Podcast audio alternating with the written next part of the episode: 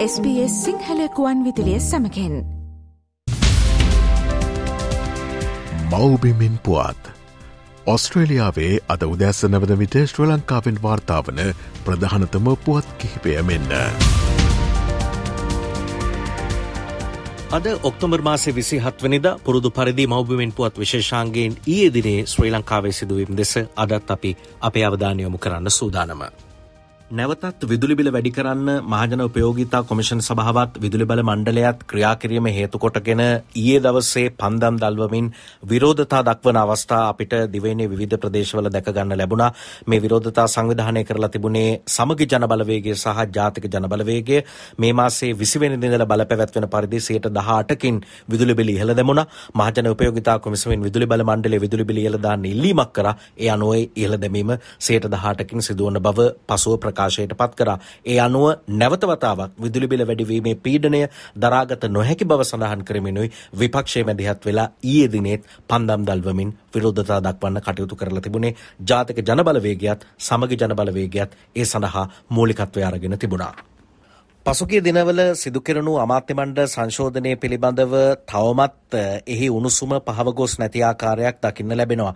අපි දැක්කා කේලිය නබුක් වැල්ල අමාත්‍යවරයා පරිසර අමාත්‍යවරයා ලෙස දිවුරුන් දීමෙන් අනතුරුව මේ සම්බන්ධයෙන් ශ්‍රී ලංකා පොදුජන පෙරමුණේ මහලේකම් සාගර කාර්යවසම් මන්ත්‍රීවරයා අදහස් දැක්වීමක් සිද්ධ කරා ඊට විරෝධය පළ කරමින් ඒක වැරදි ක්‍රියාවක් වැරදි නම් වැරදි කියලා කියන්න දෙපාරක් හිතන්නේ නෑ කියලා පොදුජන පෙරමුණ පාර්ශවයෙන් කියවුණා. දැන් අද දවසේ ඊට තවත් පාර්ශව කිහිපයක් ප්‍රතිචාර දක්වලා තියෙනවා.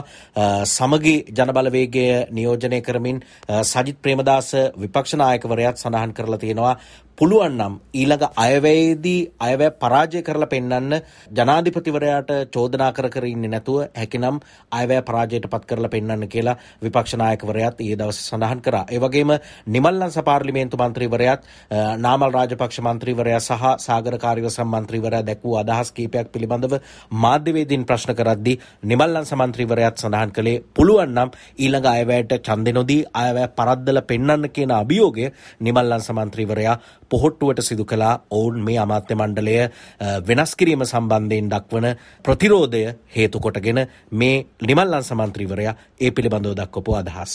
මං හිතන එතුමාගේ මොලේ හොඳ නෑ පොඩ්ඩක් මොලේ පරීක්ෂා කරගන්න වෙයි. දැන් මේ නිකන් බල්ලෝ වගේ බුරන්ඩාවට 2022 දී ගෝඨාභය රාජපක්ෂ මැතිතුමා පෝට්ටුවේ විශාල පිරිසක් අයින් කළා පෝට්ටුවට විරුද්ධව හිටපු අරින් මැතිතුමාට මනුෂ්‍යලට කැබිනට් ඇමතිකම් දුන්නා. ඉතින් එදා මොකුත්ම කිව්වේ නෑනේ. ඔතන ඉඳලා බුර බුර ඉන්නේ නැතුව දැඩි තීන්දුවක් ගත්තා නම් හරිනේ. ජනාධිපතිතුමා හම්බෙලා ජනතා මූන්ටම කියලා අපි මේකෙන් අයින් වෙනවා. අපි තවදුරටත් සහයෝගය දෙන්නේ නැහැ කියලා කියන්නේ. ඉතින් මම ඉතින් අභියෝග කරනවා සාගර කාර්යවේසන් පුළුවන් නම් ආණ්ඩුවෙන් එළියට ගිහිල්ලා ඔය කටයුත්ත කරන්න කියලා. මොකද මේ ජනාධිපතිතුමා බදාගෙන ඉන්නවා සාගර කාර්යවේසන්. මම අභියෝග කරනවා පුළුවන් නම් ණයවැය එනවා. අයවැයට විරුද්ධව පුළුවන් නම් ඡන්දෙ දීලා එළියට යන්න කියන්නකෝ. ඔය අද දාන චන්ඩි ටෝක් නෑ. මම එකක් අභියෝග කරනවා ඔය කොච්චර කෑ ගෑවත් පාර්ලිමේන්තුවේ අයවැය ලේඛනේ මේගොල්ලෝ පරද්දන්න යන්නේ නෑ. අමාත්‍ය මණ්ඩල සංශෝධනය සම්බන්ධයෙන් සුනිල් හඳුන්නෙත්තේ ජාතික ජනබලවේගේ හිටපු පාර්ලිමේන්තු මන්ත්‍රීවරයාත් ඊයේ දිනේ අදහස් පළ කළා.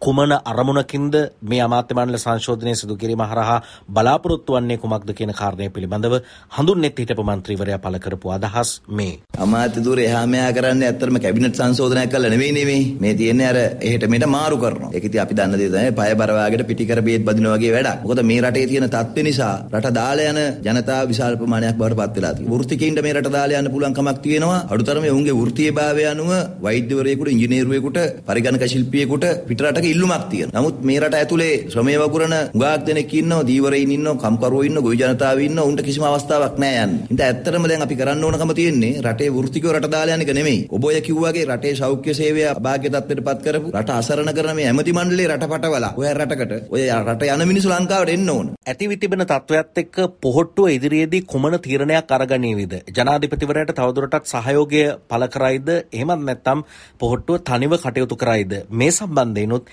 එස්.එම්. චන්ද්‍රසේන හිටපු අමාත්‍යවරයාගෙන් ඊයේ දවසේ මාධ්‍යවේදීන් ප්‍රශ්න කරලා තිබුණා මේ ඊට පිළිතුරු ලබා දුන්නු එස්.එම්. චන්ද්‍රසේන මන්ත්‍රීවරයා ජනාධිපතිතුමාට සහයෝගය ලබා දෙනවද නැද්ද?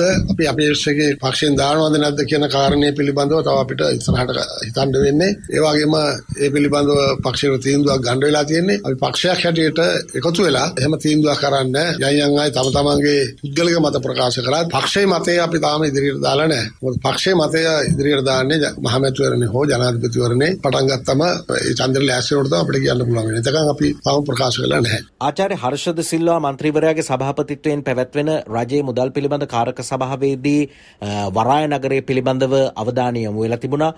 වරාය නගරයේ ක්‍රියාත්මක වෙන සමාගම් මේ ගිවිසුම් ගතවීම නීතිමය පදනමක් යටතේ එක ක්‍රමවේදයකට සිදුවෙලා නෑ කියලා අනාවරණය වුණා. ඒ අනුව සති හතරක් ඇතුළත මේ සම්බන්ධයෙන් නීතිපතිවරයාගේ මතය රජයේ මුදල් පිළිබඳ කාරක සභාවට දන්වන්න කියලා නිර්දේශ කරා. ඒ අනුව කොළඹ වරායන් නගර මට්ටමේ ක්‍රියාත්මක වෙන සමාගම් 10ක් කොළඹ වරාය නගරයේ ක්‍රියාකාරී මට්ටමේ තියෙන ව්‍යාපාරික සමාගම් 10ක් ගැන දීර්ඝ වශයෙන් මේ රජයේ මුදල් පිළිබඳ කාරක සභාවේදී සාකච්ඡා කරලා තියෙනවා. එහිදී තමයි මේ ගිවිසුම් ගතවීම සම්බන්ධයෙන් ගැටලු තියෙනවා කියලා අවධානය යොමු වෙලා තිබුණේ. ඒ අනුව සති හතරක කාලයක් ඇතුළත මේ පිළිබඳව නීතිපතිවරයාගේ මතය මුදල් පිළිබඳ කාරක සභාවට යොමු වෙනවා ඇති. විවිධ අපරාධ සහ මද්‍රව්‍ය ජාවාරම් වලට සම්බන්ධ පුද්ගලයන් අත්අඩංගුවට ගැනීම පසුගිය කාලේ අපිට අහන්න ලැබුණා. ඒ අතර දැනට අපරාධ පරීක්ෂණ දෙපාර්තමේන්තු භාරයේ පසුවන කුඩු සලින්දු සහ හරක් කටා කියන පුද්ගලයන් දෙදෙනා කෝටි ගණනින් මුදල් වියදම් කරලා අපරාධ පරීක්ෂණ දෙපාර්තමේන්තු ග්‍රහණයෙන් පැනලා යන්න සකස් කරපු සැලසුමක් පිළිබඳව තොරතුරු වාර්තා වෙලා තිබුණා වගේම අර කිව්වා වගේ කෝටි ගණනින් මුදල් මේ සැලසුම් සඳහා වියදම් කරන්න සැලසුම් කරලා තිබුණා කියලා වාර්තා වෙනවා. ඒ වගේම රත්මලානේ පාතාල කටයුතු සම්බන්ධ සම්බන්ධයෙන් කතා කරපු ඒ වගේම ලංකාවේ ආරක්ෂකාංශ රතු නිවේදන නිකුත් කරලා තිබුණු ප්‍රංශයේදී අත්අඩංගුවට ගත්තු කුඩු අංජු කියන පුද්ගලයාව ප්‍රංශ අධිකරණය නිදහස් කරලා තියෙනවා.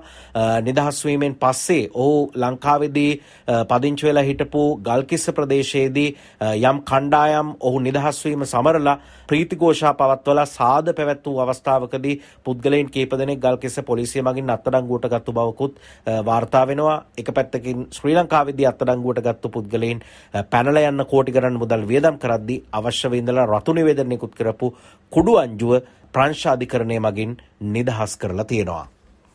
අන්තර් විශ්වවිද්‍යාල ශිෂ්‍ය බල මණ්ඩලයේ පවත්වපු විරෝධතාවක් විසුරුවා හරින්න පොලිසිය එල්ල කරපු කඳුළු ගෑස් ප්‍රහාර නිසා තමන්ගේ අධ්‍යාපන කටයුතුවලට බාධා සිදුවීමෙන් මූලික අයිතිවාසිකම් උල්ලංඝනය වුණා කියලා කොළඹ විශ්වවිද්‍යාලයේ සිසුන් අට දෙනෙක් පෙත්සමක් ඉදිරිපත් කරලා තිබෙනවා. මේ පෙත්සමට අදාළව සීමිත විරෝධතා ඉදිරිපත් කරන්න ශ්‍රේෂ්ඨාධිකරණය ඊයේ දිනේ නීතිපතිවරයාට කල්ලබා දීලා තියෙනවා. ඒ අනුව මේ සීමිත විරෝධතා ඉදිරිපත් කරන්න වග උත්තරකරුවන්ට මාස 7ක කාලයක් ලබා දුන්නා කියලා ශ්‍රේෂ්ඨාධිකරණ විනිසුරු මඩුල්ල මේ පෙත්සම සලකා බලන්න ලබන අවුරුද්දේ මැයි 7 වෙනිදාට දින දීලා තියෙනවා කියලාත් වාර්තා වෙනවා මේ සිදුවන්නේ අන්තර් විශ්වවිද්‍යාල ශිෂ්‍ය බල මණ්ඩලයේ විරෝධතාව විසුරුවා හරින්න කඳුළු ගෑස් ප්‍රහාර එල්ල කිරීම නිසා තමන්ගේ මූලික අයිතිවාසිකම් උල්ලංඝනය වුණා කියලා සර සවිශේෂයෙන් ඉදිරිපත් කරපු පෙත්සමකට අදාළ නඩු විභාගයක් සම්බන්ධයෙන්. එමනම් යළිත් එළඹෙන සඳුදා දිනෙත් ඔබව හමුවන බලාපොරොත්තු ඇතිව මම සමුගන්නවා ශ්‍රී ලංකාවේ සිට මනෝජ් උදටියාවල. මව්බිමෙන් පුවත් ශ්‍ර ලංකාවෙන් වාර්තාාවන ප්‍රධානතම පුවත් කිහිපය SBS Sinhala සේවෙන්.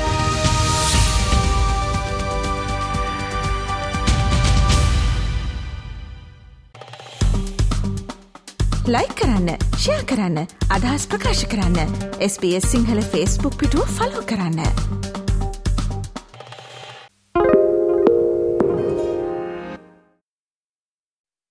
Why do people want to be at work? To feel heard, appreciated, part of something, and to know there's a career path for everyone. Inclusive workplaces are linked to increased innovation, productivity, and employee satisfaction.